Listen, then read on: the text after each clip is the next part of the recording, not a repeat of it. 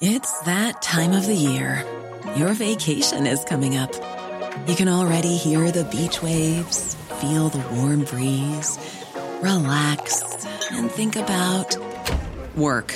You really, really want it all to work out while you're away. Monday.com gives you and the team that peace of mind. When all work is on one platform and everyone's in sync, things just flow wherever you are. Tap the banner to go to Monday.com.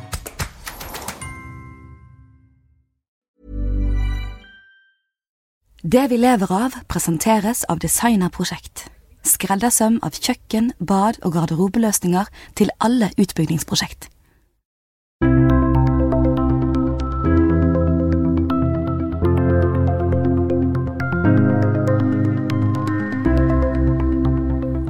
For få år siden fikk brasiliansk næringsliv mest oppmerksomhet for en stor korrupsjonsskandale knytta til det statlige oljeselskapet Petrobras. I dag satser mange norske bedrifter stort i landet, og i front går Equinor, som skal investere 125 milliarder kroner der fram mot 2030. Hvorfor har Brasil blitt et av Equinors viktigste land? Hva kan det bety for norske leverandører? Og hvordan er det å samarbeide med Petrobras etter skandalen? Du hører på Det vi lever av, en podkast fra Sysla. Jeg heter Ola Myrseth, og med meg nå har jeg Aftenblad-kommentator Hilde Øvrebekk og Margaret Øvrum, som er konserndirektør for Brasil i Equinor. Velkommen, Margaret og Hilde. Takk. Tusen takk. I dag skal vi altså snakke om eh, Brasil, som er verdens femte største land både når det gjelder befolkning og, og areal, og eh, som mange norske bedrifter etter hvert begynner å se muligheter i. Og Hilde, hvorfor er det mange norske bedrifter som ser til Brasil nå? Jeg tror at jeg ser nå at det er et land hvor de kan, få vekst. Eh, Det har jo vært et land hvor det har vært litt vanskeligheter tidligere, og det, det var, oljekrisen i Brasil var jo mye verre enn den var andre steder. Men på en måte så har jo den oljekrisen endra landet litt òg, i og med at det har blitt litt mindre eh, eh, lokalt innhold, eksempel. Eh, at eh, de utenlandske selskapene får litt andre muligheter enn de hadde tidligere. Så er det ikke bare olje det er snakk om når det gjelder norske bedrifter i Brasil. Annet har eh, store selskaper som Yara og Hydro har veldig mye virks- virksomhet der, men akkurat i dag så skal vi snakke mest om olja. Og Margaret, Equinor eh, satser også voldsomt i Brasil for tida. Dere skal investere 125 milliarder kroner fram mot eh, 2030. Hvorfor skal dere investere så mye penger i Brasil? Først og fremst har vi vært i Brasil siden 2001 og vært operatør på et felt siden 2011, og det er klart at det er et stort mulighetsrom i Brasil. Prospektiviteten på, på olje- og gassiden er, eh, er veldig høy, og det er eh, store muligheter for å gjøre store funn også. Og det er forskjellige sokler, egentlig. Du har litt den Campos Basin, som er eh, veldig på en måte likt norsk, norsk basseng, hvor det er moden sokkel. Og så har du Prisolt, som er på en måte den, den nye, og, og som det er veldig store produksjonsrater. Og vi, vi, tror jo at det kan være et stort mulighetsrom uh, framover, og det har eh, brasilianske myndigheter har også eh, en veldig forutsigbar eh, utløsning av nye areal, eh, både på, i prisaltområdet og i mer det modne området. Så allerede nå, de nærmeste tre åra, så er det seks runder, faktisk. Og hvor store er dere egentlig i Brasil i dag, da?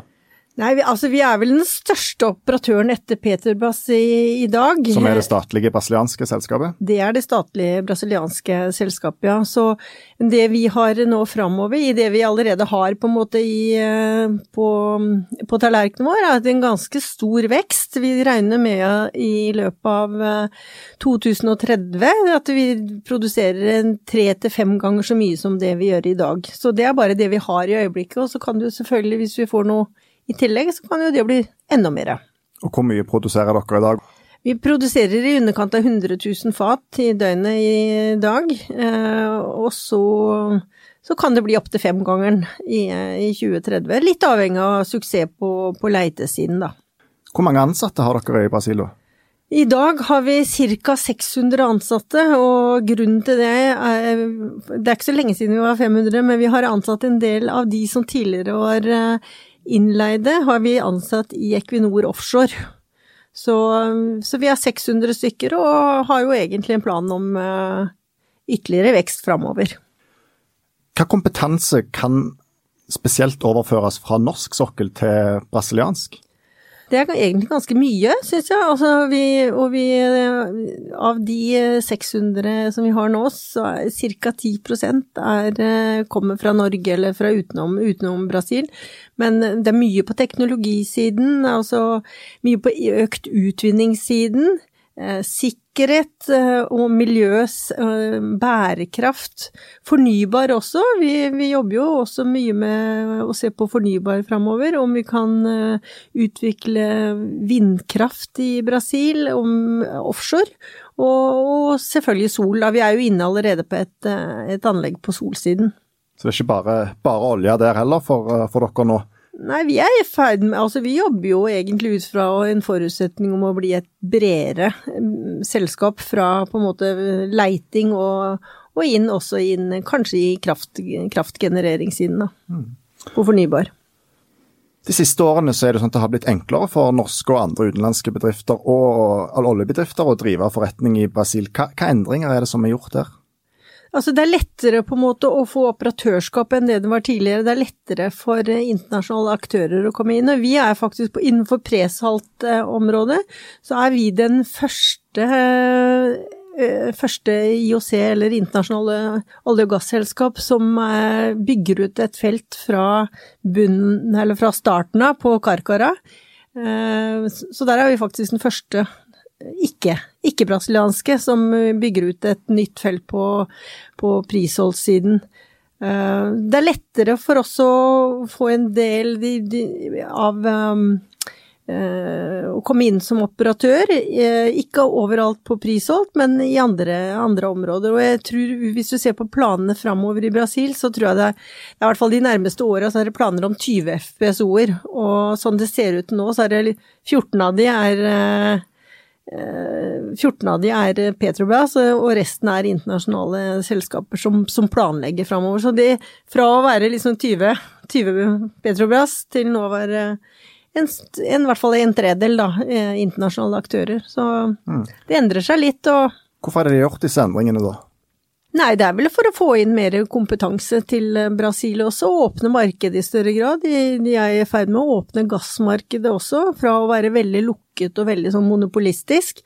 Så, og det er klart at de internasjonale selskapene de trenger mulighet for å komme nå kunden sin på gassiden, og at det er åpninger både på infrastruktursiden, men også for å, å nå kunden, da. Du har jo jobbet eh, tett på norsk sokkel i veldig mange år, eh, nå sist som konserndirektør for teknologi og prosjekter i, i Equinor. Og så For et lite år siden vel, så dro du til Brasil og ble øverst ansvarlige der. Hva er de største forskjellene på å jobbe på norsk og brasiliansk sokkel? Altså, nå, jeg føler jo jeg er med på et eventyr igjen, da. Jeg har jo vært med på et eventyr gjennom mange år, og veldig, veldig spennende på norsk sokkel. Brasil, så jeg tror vi kan ta med oss veldig mye av teknologien som vi har på, på norsk sokkel. Så er det klart at jeg jobber nå i en organisasjon som er eh, yngre. Eh, gjennomsnittsalderen i den brasilianske organisasjonen er i hvert fall ti år yngre enn i Norge. Det er, eh, det er, jo veldig spennende. Det å jobbe med på en måte verdigrunnlaget vårt, at, at alle, på en måte alle de vi ansetter nå forstår verdigrunnlaget vårt og hva, vi, hva det betyr. Det er eh, ganske spennende. Og så er det klart at det er Jeg kom kommer jo inn i litt mer hierarkisk kultur enn det jeg er vant til fra før. Og det er jo litt, det er jo litt utfordringer i, i det, men jeg tror de, de venner seg til på en måte at de har en ledelse som er eh, veldig vanlig. For det er mer at de må venne seg til din lederstil, eller at du uh, legger om din lederstil for å passe inn i det brasilianske uh, arbeidslivet? Nei, ja, jeg tror nok også vår, vår lederstil er jo altså samarbeid, for eksempel, og samarbeide med andre. Det er viktig. Våre verdier som selskap, det er viktig å skape den eh, samme kulturen på en måte som vi har i, i Norge. Jeg mener jo at det er en veldig fordel, og jeg ser også at vi er veldig populære som arbeidsgiver i Brasil, og jeg tror veldig mye av det er på grunn av de verdiene vi har. Det å være åpen og transparent og nysgjerrig på, på andre på å lære er viktig. Det å være modig tror jeg er viktig. Caring er, er, er viktig. Altså, jeg mener våre verdier betyr veldig mye for i en uh, forretningsøyemed i Brasil òg. Det at vi har veldig fokus rundt um, diversity, uh, at det er like muligheter for damer og menn og unge og eldre, uh, tror jeg også betyr veldig, veldig mye. Det at jeg har, en, jeg har en ledergruppe i Brasil som er 50% damer, for eksempel. Det er ikke mange ledergrupper i Brasil som er, det skal jeg love deg. Og det tror jeg folk setter pris på. Så um, og i ledergruppa mi så er vi Den yngste er 32, og den eldste er 65. Så det er kjempemorsomt. Du, Noe av det som eh, kjennetegner norsk sokkel, er jo streng regulering, bl.a. når det kommer til sikkerhet og eh, miljø og den typen ting. Hvordan er det i Brasil?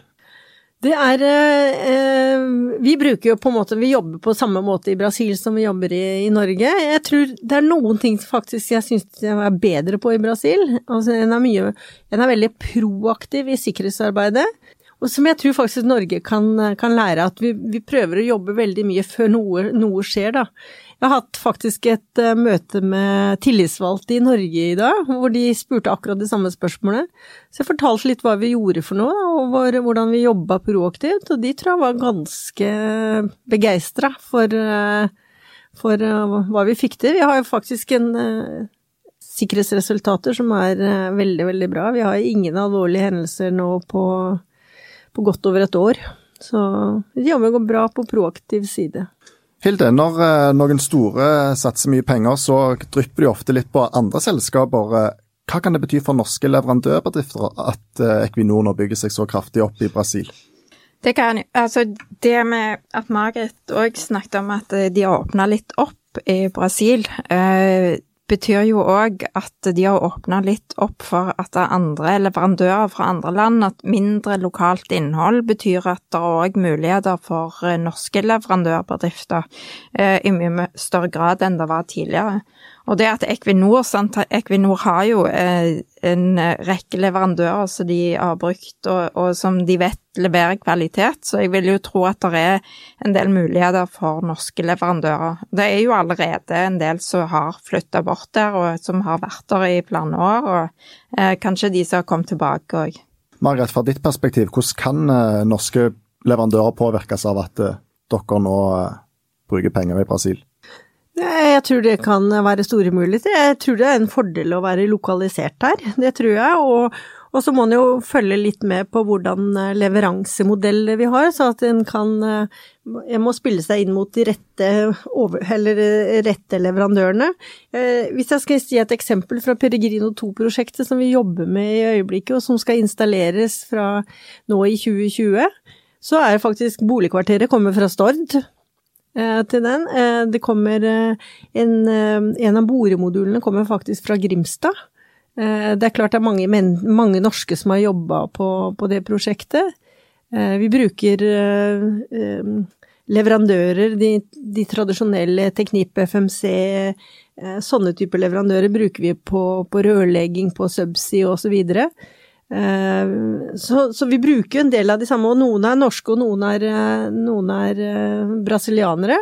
Men jeg tror, det, jeg tror, nok det er viktig å være, være lokalisert i Brasil. Det, og når jeg kikker ut av vinduet mitt, eller vinduet mitt, jeg har ikke et eget vindu for jeg sitter i kontorlandskap, men når, jeg, når jeg ser ut på eh, ute i fjorden, så, så, ser jeg jo Doff og eh, Solstad og, og ser Aker eh, Solution-skip. Så det er jo utrolig mange norske leverandører. Jeg tror faktisk at i Brasil, i Rio, så er jeg tror det, det åttende største landet som har investeringer i Rio, er Norge.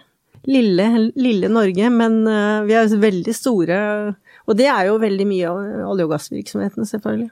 Ja, og jeg var jo om bord på en av tankbåtene deres for noen uker siden, Bodil Knutsen, som nå snart skal ned til Brasil. og Da snakket jeg med representanter for det Haugesund-rederiet Knutsen OS, og de sa at nå er de større i Brasil enn i Norge. Så det er jo et, eksempel, et annet eksempel på at uh, Brasil betyr mye for mange bedrifter etter hvert. Så Bodil Knutsen skal, eh, skal, laste olje på eh, Oncador-feltet vårt. Eller altså, vi har 25% andel i Oncador, da, sammen med Petrobras.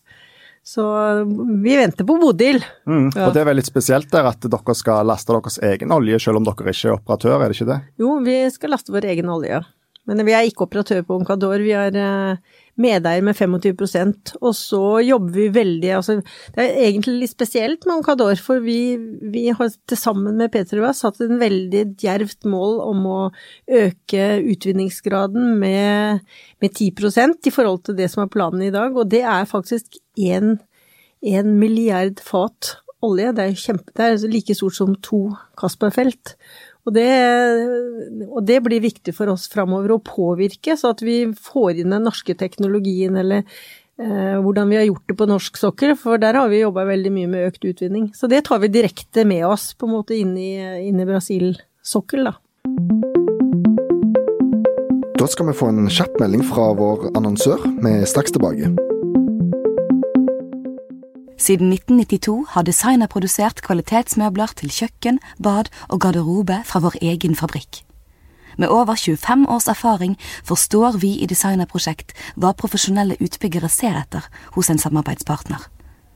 Vi skreddersyr løsninger til alt fra store offentlige anbud til mindre boligprosjekt, og sørger for at du alltid får det du trenger til riktig tid. Designerprosjekt leverer til hele Norge, og med våre 21 butikker over hele landet er du og dine kunder alltid velkommen innom for å studere vårt store utvalg av løsninger. Da går vi videre i podkasten. Vi har snakket mye om eh, Petrobras allerede, og for noen år siden så eh, fikk jo egentlig Brasil mest oppmerksomhet for en eh, stor korrupsjonsskandale der dette statlige oljeselskapet var innblanda og var en sentral aktør. Hilde, kort, hva var Petrobras-skandalen? Nei, det begynte litt smått i 2011 allerede med etterforskninger, og det var, det var mange som, som liksom pekte på at eh, det var leverandører som hadde betalt seg til kontrakter og gitt penger til sjefer i Petrobras og eh, til politikere, toppolitikere, og, og så, eh, så etter hvert så kom det jo fram at dette var jo eh, veldig utbredt, og at eh, det hadde skjedd eh, på topplan både i selskapet og politisk. Og nå er det jo eh, hundrevis av mennesker som eh, er under etterforskning, som sitter i fengsel. Eh, Noen har måttet betale veldig store bøter. Så det har jo endra egentlig hele systemet, måten det, det, eh, de jobber på i Brasil. Eh, Fordi at Petrobras eh, er ikke lenger det selskapet som det var. Og, og folk har nok sett at det var enkelte mennesker som fikk for mye makt, og eh, at det kunne føre til korrupsjon. Så det er på en måte positivt for eh, hele industrien at nå kommer der eh, De internasjonale selskapene har mye mer muligheter da, til å komme inn i Brasil. Margaret, som du sa, så har dere jo vært i Brasil i nesten 20 år nå. Dere, da var dere jo i Brasil gjennom hele denne Petrobras-saken. Hvordan påvirka den dere? Altså Først så vil jeg jo si at den eh, skandalen rysta jo hele industrien. eh, Og eh, fremdeles så ser du rystelsene. altså Fremdeles så ser du at folk blir fengsla i, i forbindelse med Lavajato eller Car Wash eller hva man nå kaller det. Og jeg tror jo også at det, det rulles opp i andre industrier nå. Vi, eh, det vi gjorde når dette kom opp, det var at vi hadde en ekstern eh, selskap som gikk inn og bare gjennomsøkte alt hos oss, bare for å sjekke at alt var bra med, med for- og, og, så, og så videre.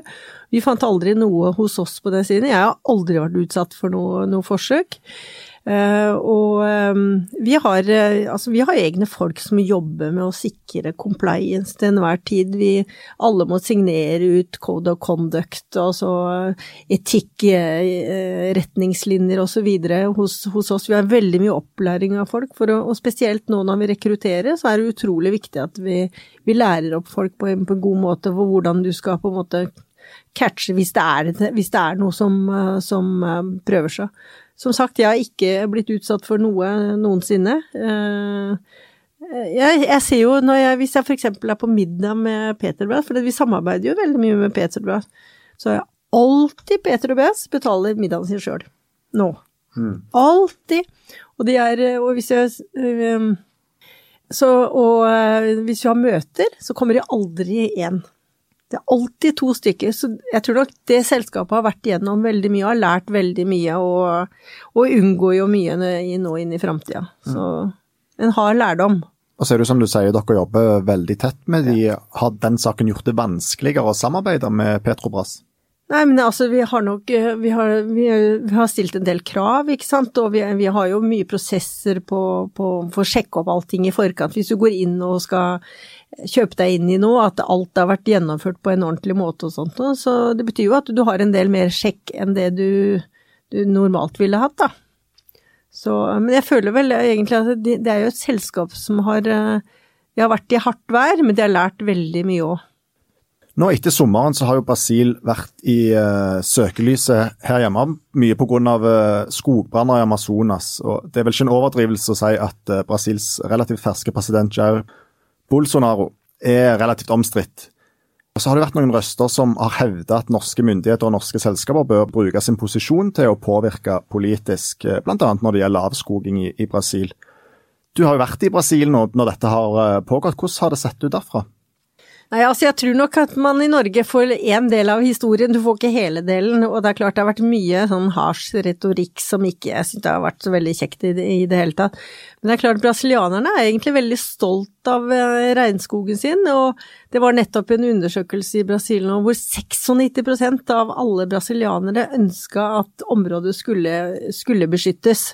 Så det er, ikke noe sånn, det er ikke noe tvil om at folket ønsker at det skal beskyttes. Og så tror jeg at eh, man har eh, i nå er på et helt annet nivå med hensyn på avskoging enn det man var for ti år siden. Det var mye høyere, høyere nivå.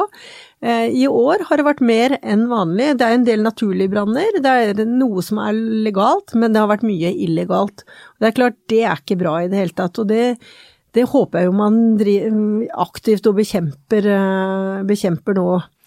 Uh, og så tror jeg at en, mange ganger så tror en kanskje liksom, man ikke i Brasil jobber så veldig mye på bærekraft og sånt noe, men, men, faktisk Brasil leverer på sine Parisavtaler uh, veldig, veldig bra. De har blant annet uh, 45% av energimiksen sin kommer fra fornybart. Og det, nå snakker ikke jeg bare om det som kommer fra i forbindelse med kraftgenerering, men nå snakker jeg om også det som er på transportsiden. Så det er veldig mye innblanding av biofuel i bensin og øh, bensinen sin, og så har de mye vannkraft og faktisk veldig mye vind og sol nå etter hvert. Det er jo et selskap som Nei, ikke et selskap, men det er et land som leverer faktisk på Parisavtalen sin. Men når det da skjer ting som ikke er bra, som, som du sier her, øh, er det da et er det aktuelt for dere å bruke deres posisjon til å påvirke politisk, som noen har sagt at man bør gjøre? Altså, vi, eh, vi har en tradisjonsfar i, i Norge at vi, vi, på en måte vi arbeider for alle våre aksjonærer, ikke bare for på en måte for eh, myndigheten som er største aksjonæren i Equinor. Men altså, vi har jo aldri hatt en regjering som har blanda seg inn i driften av Equinor. Eh, det drives gjennom en normal governance i et eh, normalt eh, selskap med en daglig leder og et styre som på en måte driver, driver selskapet. Så det er ikke noe er jo, Altså, vi er ikke noe politisk dyr som, som brukes i en sånn setting. Men jeg møter jo veldig mange i Brasil. Jeg møter mange stakeholdere. Vi, vi, er egentlig veldig sånn populære, så vi, vi kommer inn der vi, der vi ønsker å komme inn og, og får snakke med eh, politikere. Og, og, så har vi en diskusjon på mange ting. Eh, det er en, eh, det er en ganske bred enighet i Brasil om å både åpne opp markeder og, og mye jobbe for en industriell utvikling. Altså de, Brasil trenger jo det, de trenger arbeidsplasser framover. Så det er klart, jeg bruker Vi diskuterer jo hvordan man kan uh, få til en best mulig industri. Og vi jobber jo altså med bærekraft i Brasil på samme måte som vi gjør med det i Norge. Og uh, når det gjelder CO2 for eksempel, så jobber vi enten jobber på å redusere CO2-fotavtrykket vårt i Brasil, vi har, har, ganske mange spennende prosjekter på det i Brasil. Vi jobber med, å, med fornybarsiden. Vi er inne i sol allerede. Vi jobber med å se på offshore vind. Og så ser vi på muligheter for å Offsetting heter det på av uh, Altså det med skogplanting, for eksempel. At det kan også være, være aktuelt i Brasil. For det er ikke noe CO2-avgift i Brasil, det er ikke noe CO2-marked. Så det kan være en mulighet til å, å plante. For vet du, en tredjedel av, av klimautfordringa kan løses gjennom skogplanting i verden. Det er faktisk mye høyere enn jeg, jeg trodde på forhånd. Så jeg har faktisk vært ute og planta, jeg, da. For 14 dager siden så var jeg en helg og planta på den atlantiske regnskogen uh, utafor Rio. Sammen med flere andre fra Equinor, for å se hvordan det var å se på seriøsiteten til de aktørene. Så det var jo veldig spennende. Hvor mange år går det før du kan få se resultatet av det, da? Nei, jeg er i hvert fall karbonnøytral nå, da. Ja. Eh, etter noen dager. Så.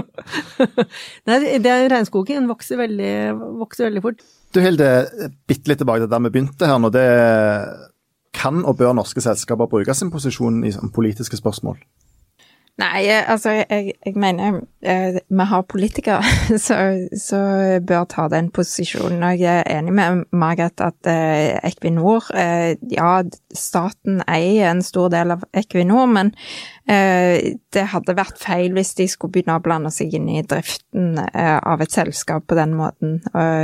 Så jeg tror at det er best at Equinor driver med det de gjør med, eh, med forretninger og, med å vise, så, sånn som Margit sier, at å, vise de at vår arbeidskultur er, god, og det med tar med seg sikkerhetsregimet herifra, tar med seg litt tilbake, eh, men ikke driver med politisk arbeid.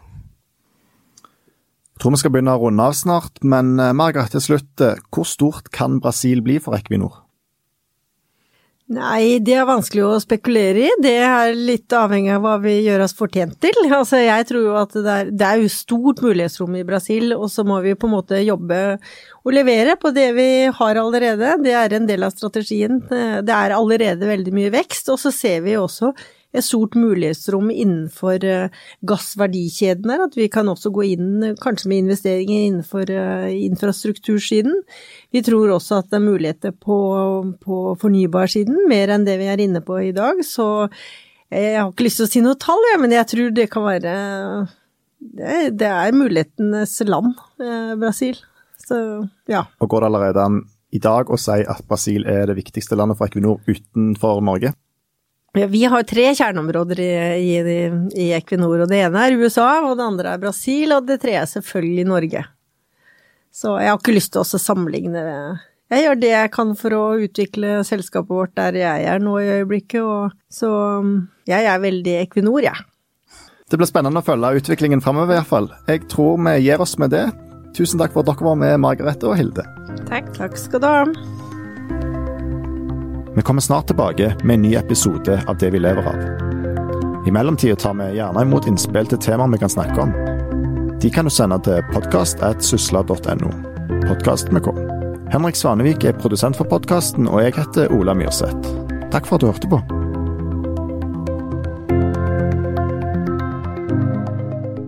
Med over 25 års erfaring vet vi i Designerprosjekt hvilke kjøkken, bad og garderobeløsninger boligkjøpere drømmer om. Besøk oss på designer.no og book et møte i dag for å finne den perfekte løsningen for ditt prosjekt. Vi ønsker å høre din tilbakemelding. Meld deg inn i vårt podkastpanel på skipsstedpanel.no slash podkast.